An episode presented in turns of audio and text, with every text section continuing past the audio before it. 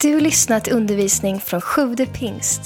Vi hoppas att Guds ord ska tala in i ditt liv och fördjupa din relation med Jesus.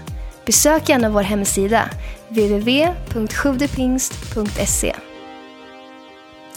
Hörrni, vi har ju ett härligt tema och eh, när vi fick in alla de här frågorna så tänkte vi först så här att ska vi ducka för de svåraste frågorna här? Ehm, eller eh, liksom, vad ska man säga? Ehm, eller och så tänkte vi, nej men låt oss ändå ta det här tillfället och också lyfta kanske ämnen som vi inte eh, som, som, som vi vanligtvis kanske inte tar på en söndag. Det kan finnas olika tillfällen, olika forum. Vi har en kvällsbibelskola, vi har hemgrupper. Eh, vi, vi, kan ha liksom många olika slags forum för att lyfta olika ämnen som jag tror ni passar sig olika bra. Men vi sa ändå att låt oss liksom lyfta de här frågorna. Och jag tog mig an någonting som jag undrar i efterhand att jag undrar hur jag tänkte när jag... Nej, jag ska, nej, nej. Det är, frågan vi ställer oss idag det är så här, jag undrar hur vi ska tänka kring hbtq-frågor. Mm, tystnaden lägger sig. Linda stod här för några veckor sedan och, och talade om miljö. och Hon började med att säga att, att hon är lite orolig att framför sig hade hon kanske både de, de, liksom, de som ska äta så mycket kött de bara kan och flyga så mycket de bara kan. Eller så har de de som tycker att liksom, nu måste vi, vad vet jag, ta cykeln till jobbet hela året om oavsett väder och så vidare. Och lite grann kan jag väl känna så också med det här ämnet att det är, det är svårt att vinna med det här ämnet för att ofta är vi liksom i ett eller annat dike kanske eller ofta har vi vi, vi, vi, vi har varit lite dåliga kanske på att ha en dialog mellan de som tycker att det är bara så att allt det här är fel och därmed basta. Till de som tycker, men hallå, det är väl ingenting, varför ska vi inte liksom, allt är väl okej. Okay. Och så blir det lätt så att vi har haft lite svårt att få en dialog mellan de här kanske två ytterligheterna. Eh, hur kan vi mötas? Hur kan vi prata om det här? Eh, och jag inser att har jag människor omkring mig som tycker som jag och som är ungefär som jag, då är det väldigt lätt att ha enkla svar. Då är det väldigt lätt att vara svartvit liksom.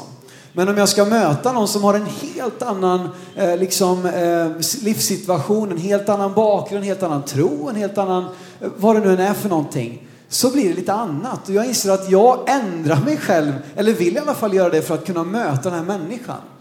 Därför att väldigt tydliga svartvita svar kring de här frågorna, det tror jag, det gräver bara djupare och djupare skyttegravar. Och sen kan vi stå på varsin sida hur länge vi vill och tycka att de andra har fel och vi har rätt. Men hur kan vi på något sätt hitta, hitta liksom en plats där vi kan samtala om de här sakerna? Och jag närmar mig det här ämnet med, med stor ödmjukhet, som ni förstår. Jag, jag vet inte när jag senast förberedde mig så mycket för ett ämne. Jag har läst några böcker och lyssnat på massa liksom vad andra duktiga pastorer predikanter säger om ämnet. Och, och, och liksom verkligen försökt att, jag vill inte bara stå här uppe och, och, och förenkla eller döma eller generalisera åt något håll. Um, utan försöka hitta, och jag har tänkt så här, om jag skulle möta en människa som har en, en, en kristen tro, eller som längtar efter en kristen tro, och som också har en, en eh, identifierar sig som en hbtq-person, alltså att man är då, vad det står för, det kanske vi ska börja med, det är homosexualitet, bisexualitet, transsexualitet och queer. Och vet inte vad det betyder så, så ja, får du googla det sen kanske. Eh, om jag då möter en människa som, som, som identifierar sig på det sättet, hur ska jag kunna hjälpa den människan fram till Jesus? Hur ska jag kunna samtala med den? Och det är med, det, med den tonen, med den attityden som jag vill försöka hålla den här predikan och göra så gott jag kan. Och självklart hinner vi inte ha ett uttömmande liksom, studie och täcka alla vinklar, utan på något sätt kan det här hjälpa oss att kanske få igång en dialog. Eh, och en sak som kan vara viktig att säga är ju att den här frågan för oss som kyrka, det är inte det vi ser som våra, det här är vårt huvudbudskap. Liksom. Det här är vårt huvudämne. Eh, men det betyder inte att det är oviktigt att bemöta det. Och kanske att, att eh, eh, ja, om man skulle tänka på kanske hur ofta den här frågan lyfts upp i, eh, i media, hur ofta den här frågan ställs. Jag är ganska ofta ute på gymnasieskolor och talar om kristen tro och, eh, och så blir det tillfälle att ställa frågor och då är det ju mer undantag än... Eh, det är undantagen när den här frågan inte kommer upp. Då. Hur ser ni på homosexualitet och sådana här saker? Så att för samhället i stort är det här en väldigt viktig och brännande fråga. Och så när då det verkar som att vi kristna då har en avvikande inställning så blir det en väldigt stor fråga för dem. Det som vi, och man skulle kunna tro att det här är något vi predikar om var och varannan söndag. Jag brukar ofta säga att jag har aldrig hört en predikan en, en, liksom en vanlig söndag som då skulle vara emot till exempel homosexualitet. Eh, eh, eller som, som liksom har det som sitt huvudtema. Eh, om det är en styrka eller svaghet, det kan vi ju fundera på. Men som sagt, det är inte en central fråga. Det är liksom inte med i den apostoliska trosbekännelsen. Att så här tror vi. Eh, det är inte med där. Och därför tror jag vi måste ha ödmjukhet. Och därför tror jag också att vi måste inte tycka exakt likadant. Jag tror att det är helt lugnt faktiskt att vi kommer till lite olika slutsatser. Eh, tyvärr är det ju så att de kristna som pratar om de här ämnena är oftast extremer. Eh, vi har de här liksom kyrkorna som, där man liksom går ut och skanderar och demonstrerar att vi hatar liksom de här människorna. Eh, och det är fruktansvärt att man ens kan kalla sig kristen och bära fram ett hatbudskap. Det är ju fullständigt motsägelsefullt. Eller så har vi då eh, kanske andra som tycker att, att det finns inget, alltså Bibeln har inget att säga om det här utan det är liksom, nu följer vi bara med det som samhället, eh, liksom samhällets vind blåser och vi som kristna ska inte på något sätt nyansera eller ha liksom en avvikande åsikt. Men som sagt, kan vi komma någonstans mitt emellan så tror jag att vi skulle hjälpa i alla fall någon. Det kommer inte vara ett bibelstudie det här, men jag skulle vilja börja ändå med att läsa ett bibelord som är från Johannes 1 och 14. Johannes 1 och 14. Eh, som talar om hur Gud blir människa. Det talar om ordet som var i begynnelsen och vi ska inte gå in på det, men det är alltså Jesus, han är ordet. Och Jesus, ordet blir kött, han blir människa. Så står det så här i Johannes 1 och 14. Ordet, alltså Jesus, blev kött, blev människa och bodde bland oss. Och vi såg hans härlighet, den härlighet som den enfödde har från Fadern. Och han var full av nåd och sanning. Jesus är både nåd och sanning. Eh, om vi vill ta bort det ena eller det andra så förvanskar vi vem Jesus är. Och här tror jag en av de vanligaste fällorna vi går i som kristna är att hamna i ändra diket. Där vi antingen bara lyfter upp nåden, så att säga, en, en, en gränslös nåd som, som då inte heller menar att, att, att det finns inga fel därför att Gud är ju bara nåd. Eh, men om, om Gud bara är nåd, eh, eller om, om det inte finns någon synd, inte finns något som är fel, då hade ju inte Jesus behövt dö för oss på korset. Så att vi kan inte tala om det utan att faktiskt också lyfta fram sanningen som är att alla människor har syndat och gått miste om härligheten från Gud. Därför var Jesus tvungen eh, att ge sitt liv för oss han gjorde det av egen fri vilja på grund av sin nåd. Så att utan sanningen så blir ju nåden blaskig. Den blir ju, den blir ju, den blir ju inte värdefull. Det blir ju som, som liksom något, vad vet jag, alldagligt. Va? Eller o, ovärdefullt. Men bara sanning utan nåd kanske till och med är ännu värre, vad vet jag. Där vi bara konstaterar allt som är fel, där vi nästan eh, har helt missat vad Jesus gjorde på korset och vi lyfter alltid fram, vi slår folk på fingrarna, det här är fel, det här är fel, det här är fel, har du inte läst och vet du inte och skärp till dig nu och du är en dålig människa. Och det är ju här någonstans som vi ibland hamnar, nu överdriver jag lite grann. Men den här sanningen utan nåd tror jag väldigt ofta skjuter bort människor. Nåd utan sanning, den förblindar människor för vi ser inte klart över vårt eget behov av Jesu frälsning och förlåtelse. Jag tror vi behöver nåd och sanning och jag tror vi behöver det i den ordningen. Jesus är nåd och sanning. Och man skulle kunna argumentera för, eller någon har sagt det, att vi möter ju, eh, i evangelierna är det hela tiden en fight mellan fariseerna, de skriftlärda judarna och Jesus. Båda de här grupperna var ju extremt pålästa, kunniga, de var liksom rabbiner, läromästare. Men de är ändå väldigt ofta i fight med varandra. Och någon sa så här att, att, eh, att eh, fariseerna, de satte teologin före betjänandet av människor. Alltså att det blir viktigare att ha rätt än att hjälpa en människa. Medan Jesus gjorde precis tvärtom. Han satte betjänandet av människor före teologin. Därmed inte sagt att teologin är oviktig. Men vi ser gång på gång hur Jesus faktiskt eh, liksom avviker ifrån liksom lagens strikta mening för att istället hjälpa människan. Tänk bara på äktenskapsbryterskan som blir tagen på bar gärning, ändå är det bara kvinnan där. Det är ju, ja, det, det är en annan predikan. Men i alla fall, och då vill de att, ja men lagen säger, sanningen säger att hon ska stenas. Vad gör Jesus? Han säger den som utan synd ska kasta första stenen. Och sen går han fram till henne, inte heller jag dömer dig, säger Jesus till den här kvinnan. Och så lyfter han upp, han möter henne med nåden före sanningen. Men sen säger han också att gå och synda inte mer. Så att det finns absolut sanningar, jag vill inte ta bort det. Men vi måste ha, liksom komma in med samma hjärta och sinnelag som Jesus av att betjäna. Nåd och sanning i den, i den ordningen. Okej, vi lever i vad jag skulle kunna kalla för gränslöshetens storhetstid. Det var väl en, en, en, en pretentiös eh, eh, rubrik. Eh, på bara några få decennier så har sättet vi ser, eller samhället i stort, i västvärlden kanske primärt, eh, våran syn på man och kvinna, våran syn på äktenskap, familj, trohet och sex har förändrats i grunden på egentligen bara några få decennier. Och hur vi än tycker att det här är väl självklart kanske i samhället idag, så måste vi också vara ärliga och säga att det här har gått väldigt snabbt, den här förändringen, det här skiftet. Andra kanske skulle argumentera för att det gått alldeles för långsamt, men vill man sätta det lite i historiskt perspektiv så tror jag det har gått väldigt snabbt. Värderingar som legat till grund för samhället i tusentals år har bytts ut på väldigt kort tid.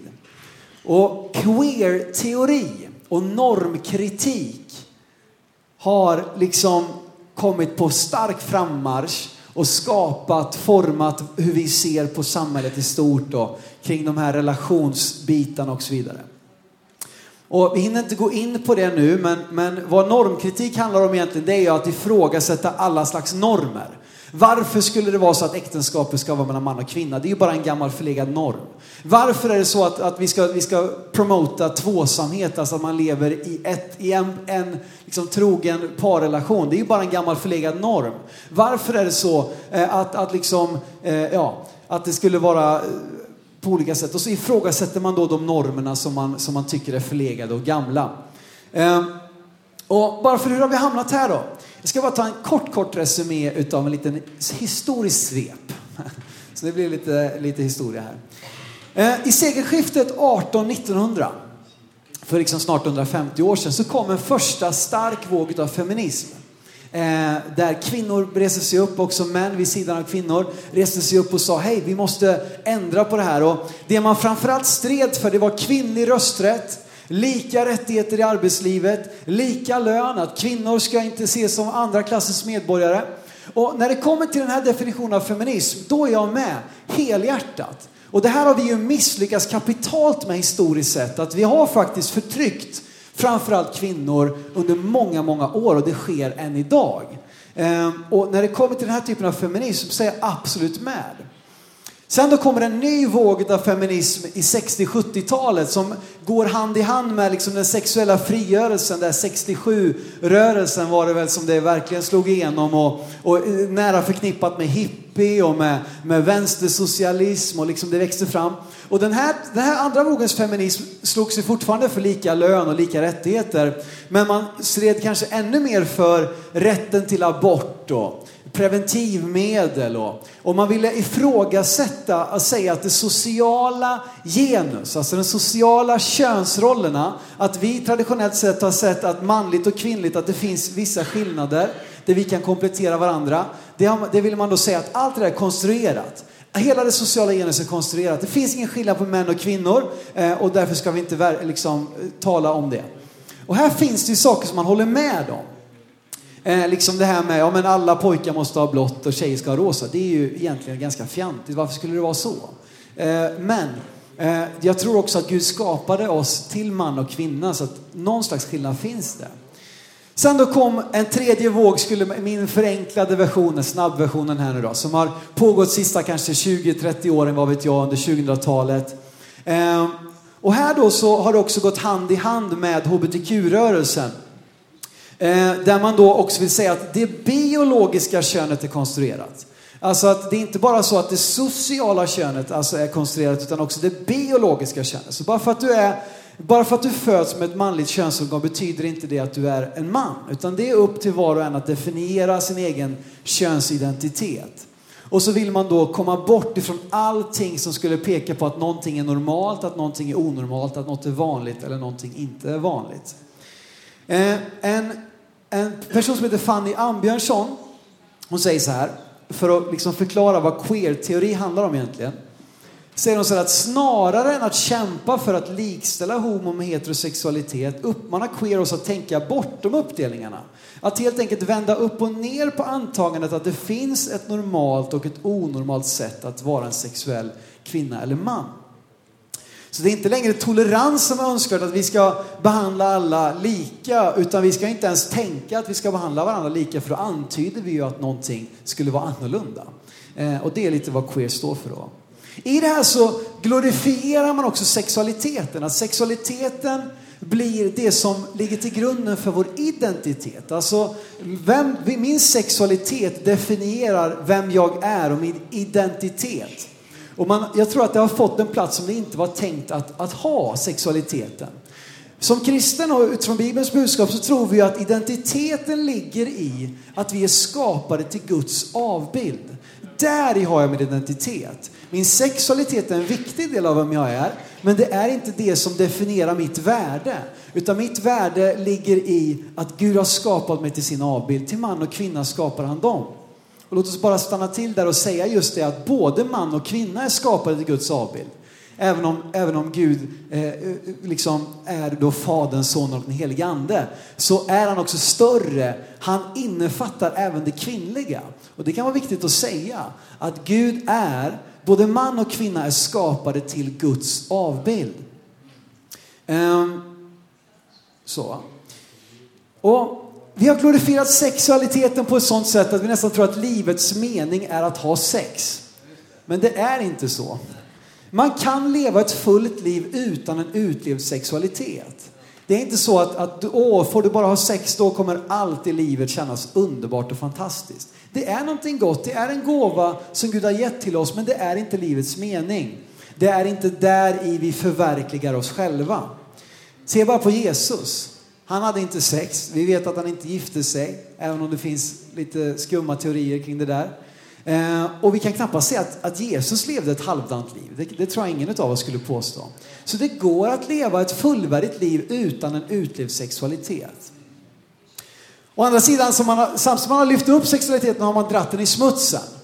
Om man säger att, att ja, men sex det är inte längre någonting som du ska liksom spara, vänta till, till den personen du vill dela livet med. Utan sex det, det ska du ha när du vill. Du behöver inte blanda ihop sex med kärlek. Du behöver inte blanda ihop sex med trohet. Eh, vill du det så gör du det, men vill du inte det så behöver du inte det. Så att ena sidan lyfter man upp sexualiteten och säger att där har vi vår identitet. Å andra sidan så drar man den i smutsen. Eh, och där någonstans är vi. Och hur ska vi då som kristna förhålla oss till detta? Jag skulle säga först att vi har misslyckats med en del saker som kyrka. Ehm, det var bara en liten samtidsanalys av vart vi är någonstans och kanske ett försök att förklara hur vi hamnade där. Och när vi då ska bemöta det här så har vi misslyckats med en del saker. Jag ska försöka ta bara en del saker jag har tänkt på. Dels har vi ofta förutsatt, när vi har bemött de här frågorna, så har vi ibland förutsatt att, att en homosexuell livsstil eller en hbtq-livsstil är lika med lösaktighet. Alltså, vi har sagt att liksom, vi, har, vi har blandat korten som att är man homosexuell då lever man också då lösaktigt. Liksom. Som, att, det, som att det skulle vara en självklarhet att man då ja, men har massa tillfälliga partners och alltså du vet. Vi, vi, för att lössläppt, alltså en lösaktig livsstil då, alltså av att, av att eh, eh, ja, eh, ha, ha sex med vem man vill och när man vill och så. Det är väldigt tydligt att Bibeln inte promotar det utan att den, den faktiskt framhäver trohet, att hålla sig till en, en partner. Eh, det är väldigt, väldigt tydligt. Och lössläppthet då, det är inte begränsat till, till hbtq. Det kan vi hitta bland alla sexualiteter. Även om det absolut är så att, att kanske delar av hbtq-rörelsen liksom, eh, som syns och hörs kanske då absolut promota det. Men vi kan inte säga så, utan hur bemöter vi en person som brottar med sin sexuella läggning och önskar leva ett liv i trohet, i tvåsamhet och liksom följa Bibelns värderingar. Hur kan vi bemöta dem? Vi kan inte blanda korten på det här sättet. En annan sak vi har gjort också är att vi förutsätter att majoriteten i samhället ska dela vår syn på Bibeln som rättesnöre. Sverige är absolut ett kristet land historiskt sett och vi bygger våra grundlagar på, på kristna värderingar. Och det är någonting värdefullt. Men vi har en sekulär stat. Alltså majoritetsbefolkningen idag i vårt land ser inte Bibeln som sitt rättesnöre. Och det måste vi liksom, och därför kan vi inte heller kräva att man då ska på något sätt vända sig till Bibeln för att, att hitta svaren. Även om vi då vill göra det som, som kristna. Så därför att gå ut och basunera ut ett motbudskap mot allt detta som sker, det tror jag knappast kommer hjälpa någon till, fram till ett möte med Jesus, utan det kommer det återigen bli det att vi skjuter ifrån dem. Det som kommer hjälpa tror jag är att så många människor som möjligt får möta Jesu livsförvandlande kärlek. Och sen så kan det ta det därifrån. En annan sak vi har misslyckats med som kristna är att vi har gjort homosexualitet ofta till någon slags ärkesynd. Alltså synden med stort S som är värre än alla andra synder. Och det här tror jag är helt obibliskt, att Bibeln inte gör åtskillnad på det sättet. Eh, eh, och jag vill inte eh, ja, eh, förminska det att, att eh, det liksom då skulle strida mot Guds vilja. Men det finns så många ställen, de bibelord vi ofta framhäver då, där vi säger att just homosexualitet, då kommer man till helvetet, om det nu finns sådana som har sagt det. Eh, då måste vi lyfta fram en massa olika saker. Då måste vi tala också om sex för äktenskap på samma sätt om vi nu ska gå den vägen. Och det tror jag ingen vill liksom att vi då ska hamna i, då, då är det ingen som kan bli frälst till slut. Och, eh, plats, eh, bibelställen där homosexualitet lyfts fram som ett exempel innefattar också ofta väldigt många andra saker. Då, Så här tror jag vi har misslyckats. Ehm, ett talande exempel är att Jesus talar tio gånger så ofta om girighet som man gör om äktenskapsbrott. Det kan kanske hjälpa oss att vända lite pekfingret till oss själva. Men Simon, när du talar nu, då, ta, då är det ändå som att du förutsätter att faktiskt då en utlevd eh, hbtq-livsstil är en synd. Och här vill jag bara stanna upp innan jag bara säger liksom si eller så. Och för jag vill ha med stor respekt för Guds ord och med en ödmjukhet inför att jag absolut inte har fulla sanningen. Så är min uppfattning när jag ändå läser Guds ord och, och liksom ser sammanhang och försöker studera så är min uppfattning att det är det. Att det är en synd. Att det går emot Guds grundvilja.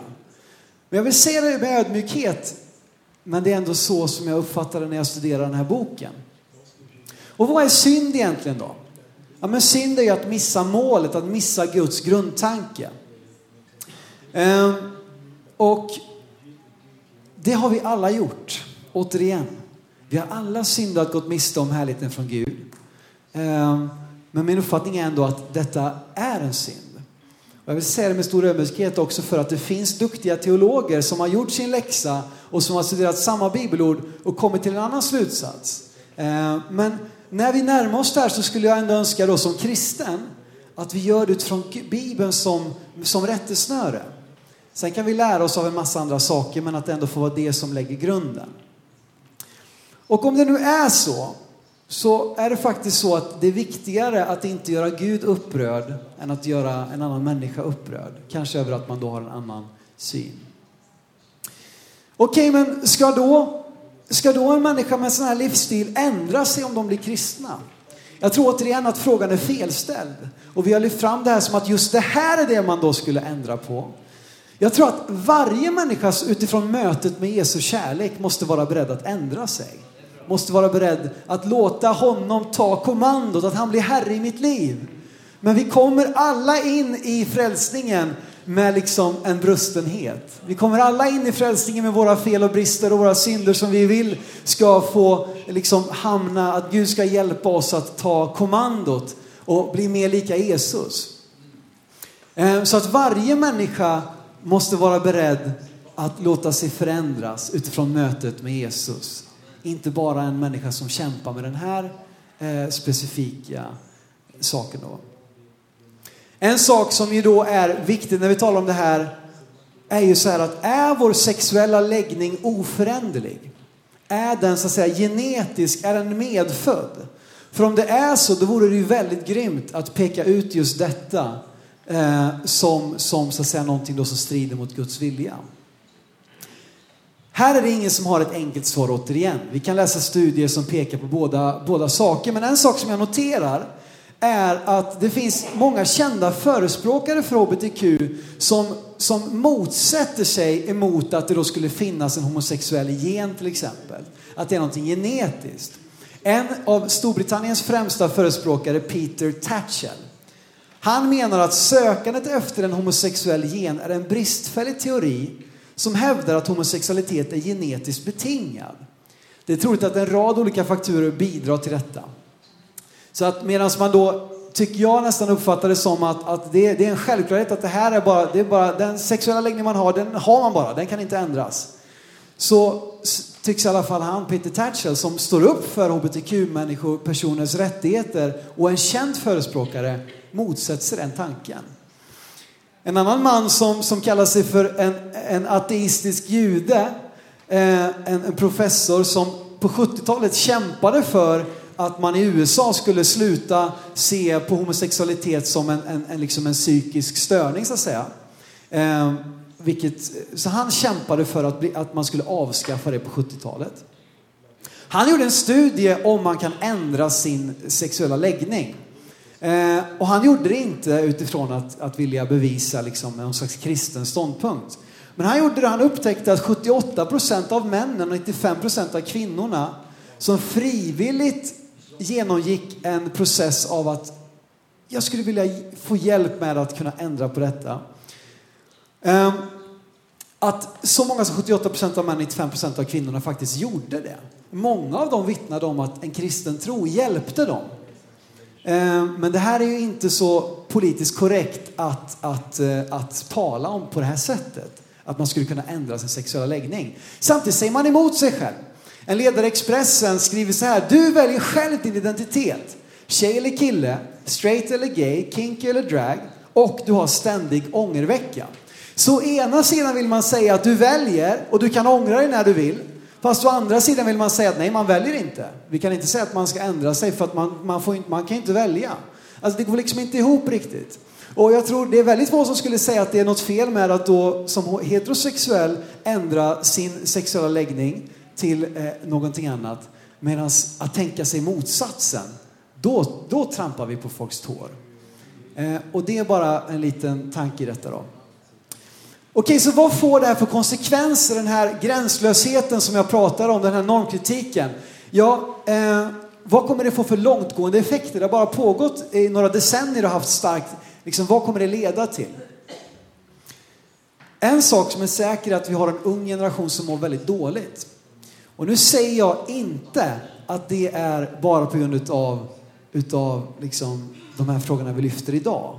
Men jag tror inte man kan blunda för att det kan vara en del i ekvationen. Unga människor mår sämre och sämre, vilket Folkhälsomyndighetens undersökningar visar.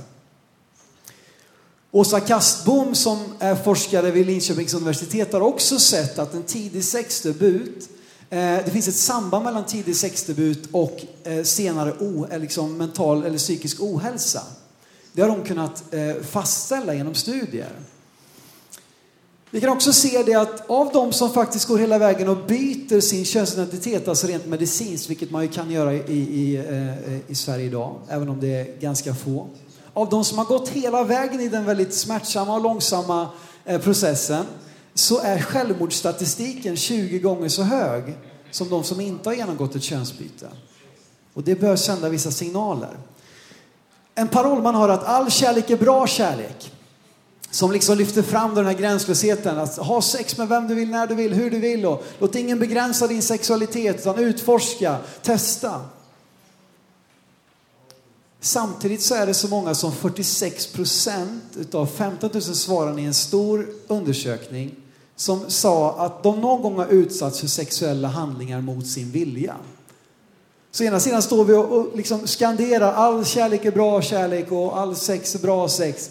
Eh, och sen så samtidigt ser vi att nästan hälften av människorna idag utsätts för sexuella övergrepp. Hur ska vi kunna komma till bukt med sexuella övergrepp när vi å andra sidan säger att det finns inga gränser, det finns ingenting som, som ska hindra dig i din sexualitet. Här sänder vi dubbla budskap. Jag tror att vi helt enkelt söker svaret på de här djupa frågorna som har med vår identitet, vilka vi är att göra i fel källor. Vi lever i en väldigt självcentrerad tid.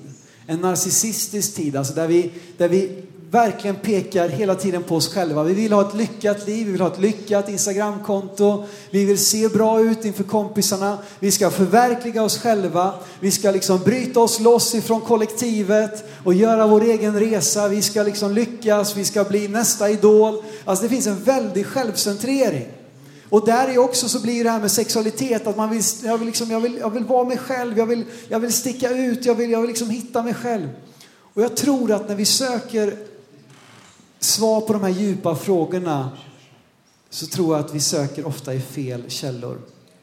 Jag tror att svaren på de här djupa frågorna och tryggheten i vår identitet, vilka vi är, vår könsidentitet inte minst, finns att, står att finna i Gud.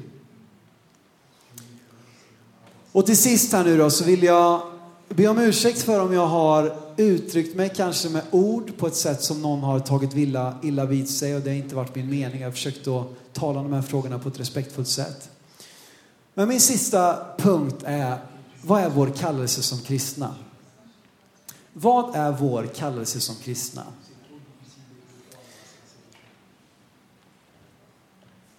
Det är en viktig fråga att ställa sig när man tänker kring de här frågorna. Och framförallt tycker jag vi ska tänka på de här människorna som brottas med det här. Jag tror att vår kallelse är aldrig att hata. Vi har aldrig varit kallade att hata någon människa. Det finns kristna som hatar muslimer till exempel. Eh, det finns kristna som hatar människor då av en annan åsikt, av en annan läggning. Och det är fullständigt emot hela det kristna budskapet. Jesus själv kom inte för att hata. Jesus själv kom inte ens för att döma. Har ni tänkt på det? Vi ska läsa Johannes brev 3 och 16 och 17. Bibelns mest kända vers och sen ska vi läsa också versen efter. Så älskade Gud världen att han utgav sin enfödde son för att var och en som tror på honom inte ska gå förlorad utan ha evigt liv. Gud har inte sänt sin son till världen för att döma världen, utan för att världen skulle bli frälst genom honom. Och om vi då vill framhålla liksom att homosexualitet det kommer att leda dig till helvete så är min nyhet till dig att en heterosexualitet kommer inte att ta dig till himlen. Jag som heterosexuell har inte en ren sexualitet. Jag får kämpa med mina tankar. Jag får brottas för att försöka leva rent. Eh, Eller liksom, det här är något vi alla brottas med. Jag tror att den som säger att, att jag har en ren sexualitet tror jag ljuger inte bara för sig själv utan också gentemot Gud. Vi behöver alla Guds förlåtande nåd. Och Guds vilja är att människan ska bli frälst genom honom, inte dömd. Jag ska sluta med en bild av treenigheten som någon sa. Vi har Fadern, Sonen och den helige Ande och lite grann vilka uppgifter de har. Det är ett och det här är inte ett försök nu att, att rucka på treenigheten utan det här är en bild att hjälpa oss att förstå vår kallelse som kristna. Och då så lyfter man fram det att Fadern, hans, hans roll det är att vara domare. Hans roll det är att, att, att tala om vad som är hans vilja. Att visa på det här är det som är min vilja, det här är det som är rätt och fel. Den heliga Andes roll är att övertyga människor om Faderns vilja. Att visa för människor att det här är vad Gud vill för dig. Det här är vad Gud längtar efter för dig. Och Jesu roll var att älska mänskligheten och att ge sitt liv för den. Förenklat. Det här är en bild, inte, inga bilder är liksom fullkomliga. Men jag tror ändå att det ligger mycket i detta. Vad är då vår kallelse som kristna? Jag tror det är att vara Jesu händer och fötter till vår omvärld som vi har omkring oss. Att älska människor. Att ge vårt liv för människor. Att visa människor kärlek innan vi liksom pekar finger. På det sättet kan vi dra dem in i att få förstå, okej okay, så du, du tycker inte illa om mig? Nej, jag håller inte med dig om allting som du gör men, men jag älskar dig. Och det är en stor skillnad i detta. Allt som ofta försöker vi vara fadern och döma människor. Allt för ofta försöker vi vara den helige ande av att säga till människor vad som är rätt och fel och korrigera dem. Och jag ska ta ett exempel med Johan här som jag har lyft fram faktiskt. Jag vet inte, jag, han, han, kan ta det här. I alla fall, Johan han blev kristen när vi gick i gymnasiet. Och, eh, eh, och det var superhärligt. Han blev frälst på Trysil, eller Åre, Åreläger. Eh, och eh, kom ner en kväll och sa att du, nu har jag, jag, jag, jag bad med i den där bönen, jag har blivit en kristen. Och han sa också, det första jag gjorde var att jag slängde en massa musik på min mp3-spelare för jag insåg att det här kan jag inte lyssna på längre. Så den helige Ande hade gjort någonting i honom. Och vi började hänga och träffas och Johan började direkt vara med och tjäna och komma till kyrkan och sådär. Och sen så störde jag mig på en grej efter ett tag. Johan fortsatte att svära. Aj, aj, aj. Ibland, inte så mycket kanske som innan, men han gjorde det ibland. Och jag kände, du vet, uppvuxen på första bänk liksom.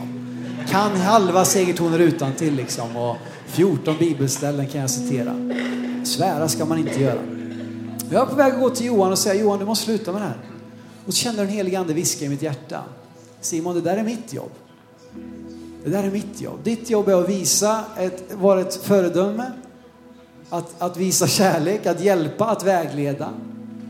Men inte att korrigera på ett sånt sätt. Eh, och jag är glad över att Johan, och ni som är oroliga nu då, Johan är ledare idag, han svär inte längre. Så att det, det är lugnt liksom. Bara en bild av att vi inte ska ta den heliga Andes jobb. Vi är väldigt bra på det där. Eller Faderns roll av att döma och peka. Det är en skillnad på, och jag vill slå fast det, att det är en skillnad på att kunna älska någon ut, och för den sakens skull måste man inte hålla med om allt som den personen tycker eller tänker eller gör. Vissa verkar mena det att okej, okay, om du älskar någon, då måste du bekräfta allt det som den står för, som den gör. Men det, det, det verkar helt orimligt, tycker jag. Man måste kunna älska någon utan att hålla med dem om deras livsval och politiska inställning eller vad det nu än är för någonting. Och det tror jag att vi kan göra, att vi är kallade att älska. Om en liten stund här nu så ska vi fira nattvard. Och jag har försökt att hoppas att det här kan hjälpa någon. Kanske säkert har irriterat en del. Och, och så är det säkert. Men jag tror ändå att vi måste ha grundinställningen av att det som kommer att hjälpa en människa är alltid mötet med Jesus. Alltid, oavsett vad det är för någonting som vi kämpar med. Och jag skulle också säga det att i den här kyrkan måste människor som, som har den här identiteten som hbtq måste känna sig välkomna, älskade, bli bemötta med ett leende, kunna komma hit och fira gudstjänst och bara få vara här. Få lyssna och fira. Och jag vill, jag vill slå fast det. Och utifrån ett möte med Jesus så kan deras liv bli förvandlade till att bli mer och mer lika honom. Men vi hjälper ingen genom att stänga dörren, genom att hytta med fingret. Utan vi hjälper människor genom att visa Guds kärlek. Tack för att du lyssnat. Glöm inte att du alltid är välkommen till vår kyrka. Du hittar mer info på www.sjuvdepingst.se